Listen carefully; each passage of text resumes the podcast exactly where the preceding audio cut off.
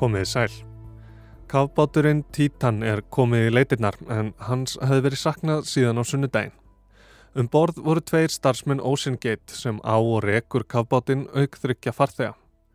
Titan kvarf spórlaust á leiðsinni niður að flaki Titanic um 700 km undan ströndum Nýfundnalands í Kanada.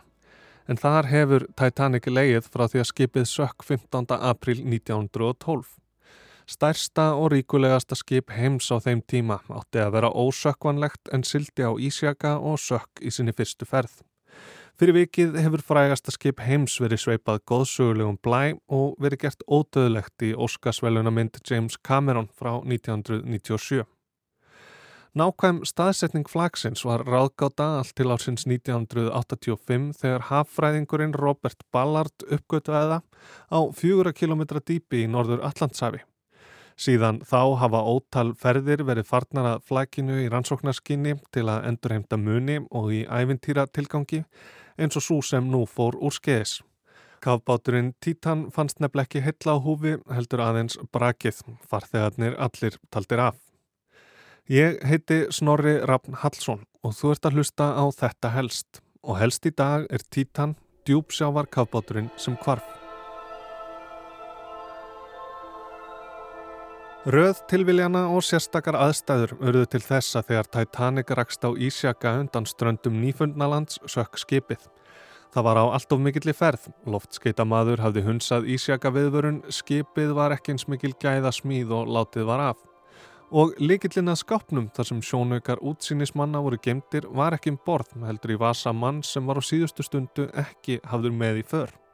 Þeir því ekki eins langt og þeir hefðu annars gert og skortur á björgunabátum átti svo sinn þátt í því hver margir létust í skipbrotinu. Þetta var hörmulegt sleis en hvers vegna hefur Titanic vakið svona mikla aðtikli og haldið áhuga okkar í meira en öld? Möguleg skýring er svo sem leikstjórin James Cameron gaf þegar hann tók við Óskarsvelunum fyrir Titanic mynd sína frá 1997. The message of Titanic of course is that if the great ship can sink The, un the unthinkable can happen, the future's unknowable. The only thing that we truly own is today. Bóðskapur Titanic er auðvitað sám að ef við mikla skip getur sokkið getur hið óhugsanlega átt sér stað. Framtíðin er óþekkjanleg, það eina sem við eigum í raun er dagurinn í dag. Það er eitthvað til í því en Titanic stendur líka fyrir ofdramp er hálfgerður Íkarus sem flög of nærri sólu.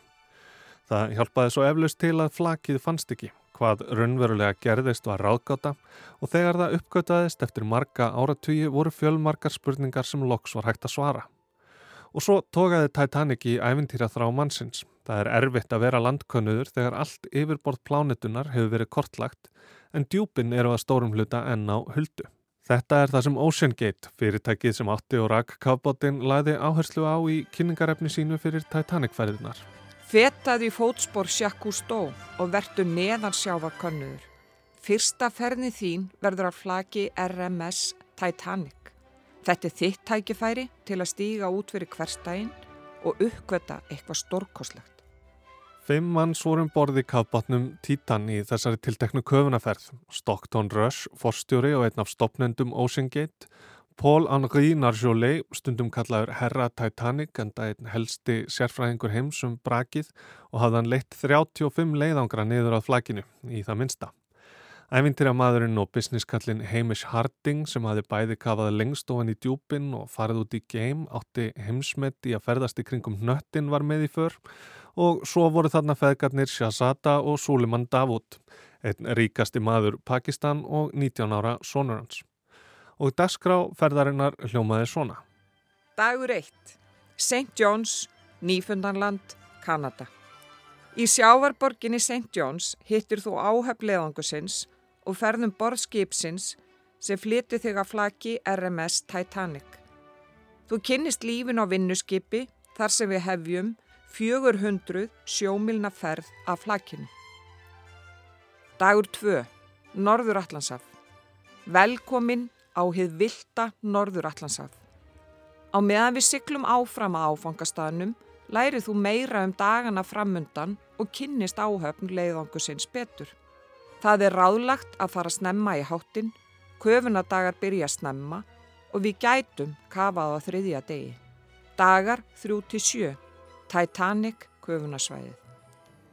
Þegar að kafbátunum fyrir að stað fer það sjá lífform sem líkjast gemverum og þjóta fram hjá skjáglugganum eftir því sem þú sekkur dýbra og dýbra í hafi.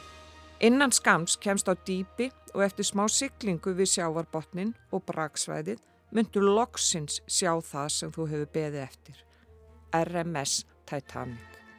Njóttu þess að kanna flakið og braksvæðin klukkustundum saman áður en tekja tíma ferðalagið upp aftur hefst.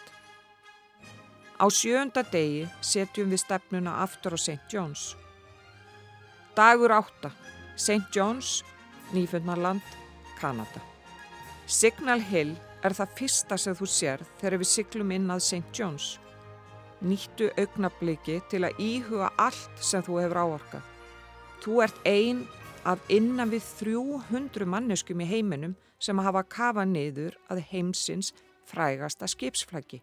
Ef allt hefði farið samkvæmt áallun hefði Signal Hill átt að blasa við þeim Rush, Narjolei, Harding, Davud og Davud einhver tíman í dag, 23. júni 2023. En eins og við vitum varð ferðalagið alls ekki eins og lagt var upp með.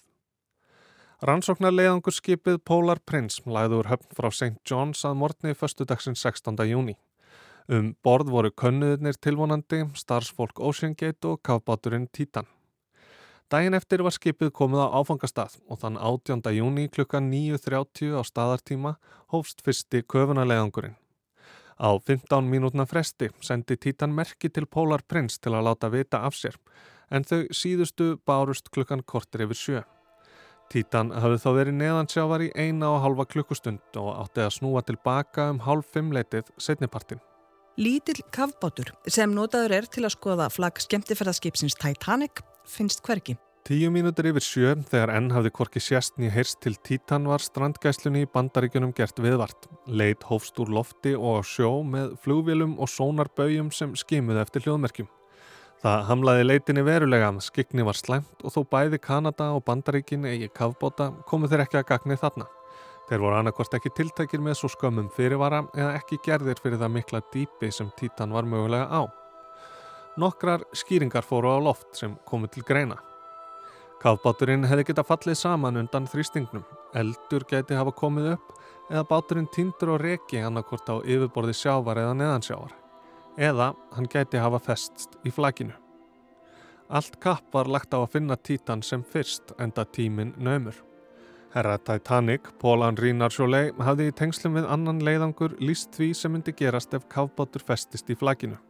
If you are with a no-till stuck on the bottom, you can survive for a while because we can, uh, you can stay about four or five days on the bottom. Það er hægt að lifa af í fjóra til fimm daga á botninum en það kemur að litlu gagni ef enginn getur hjálpa manni, sæði Narsjóleg kátur í bræði. Þessir fimm dagar meðastu súrefni, mat, vatn og allt slíkt heldur hann áfram. With the oxygen, with the food, with the water and everything like that, but we know very well that we will die before with the temperature. Við vitum vel að við degjum áður en þessir fimm dagar eru úti vegna hittastiksins. Það er raunverulega vandamálið. Vatnið er aðeins um þrjár gráður á Celsius. Ef þú ert í kafbátnum og hann gengur ekki lengur, það er ekkert sem skapar hitta, deyrðu úr kulda eftir einhver tíma.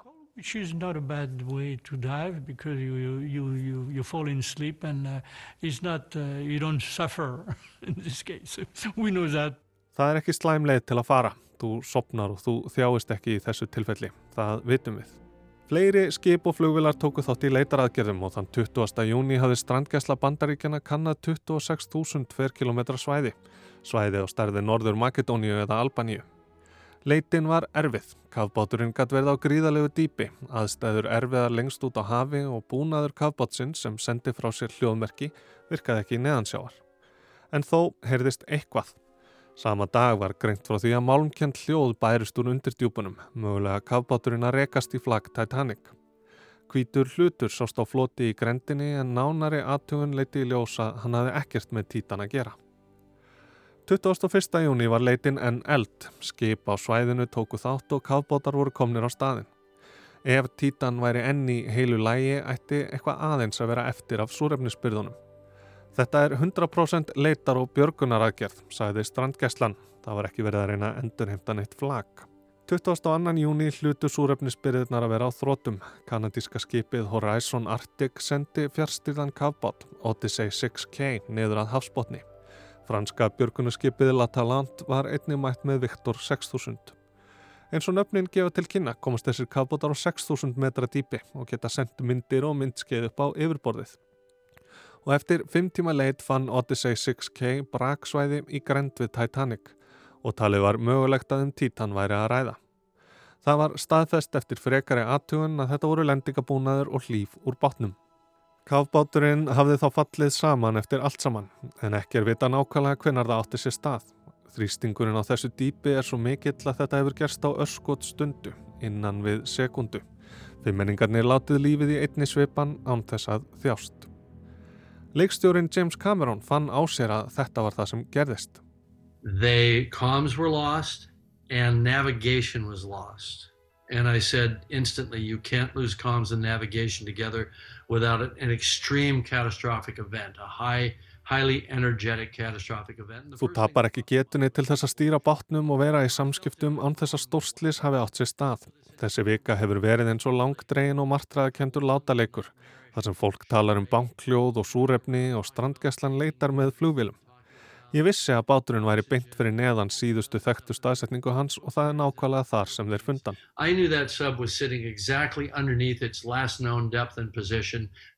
Exactly.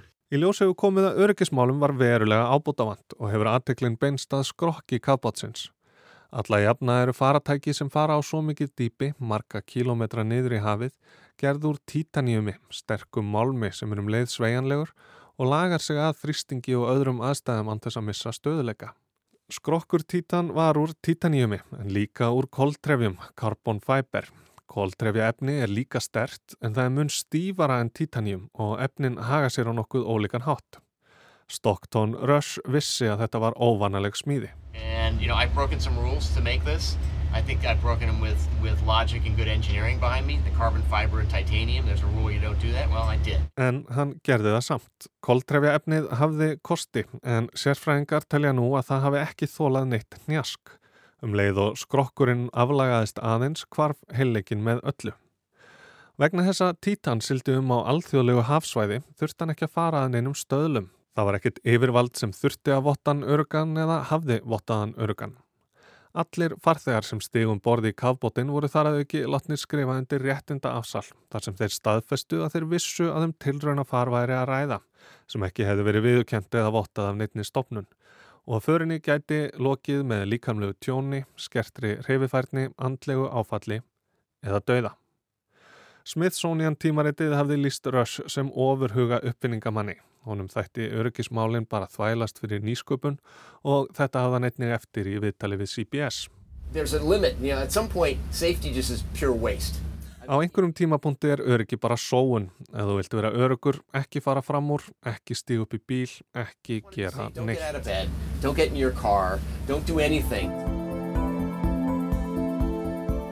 Fimmenningarnir tóku ákverðun sem kostaði á lífið.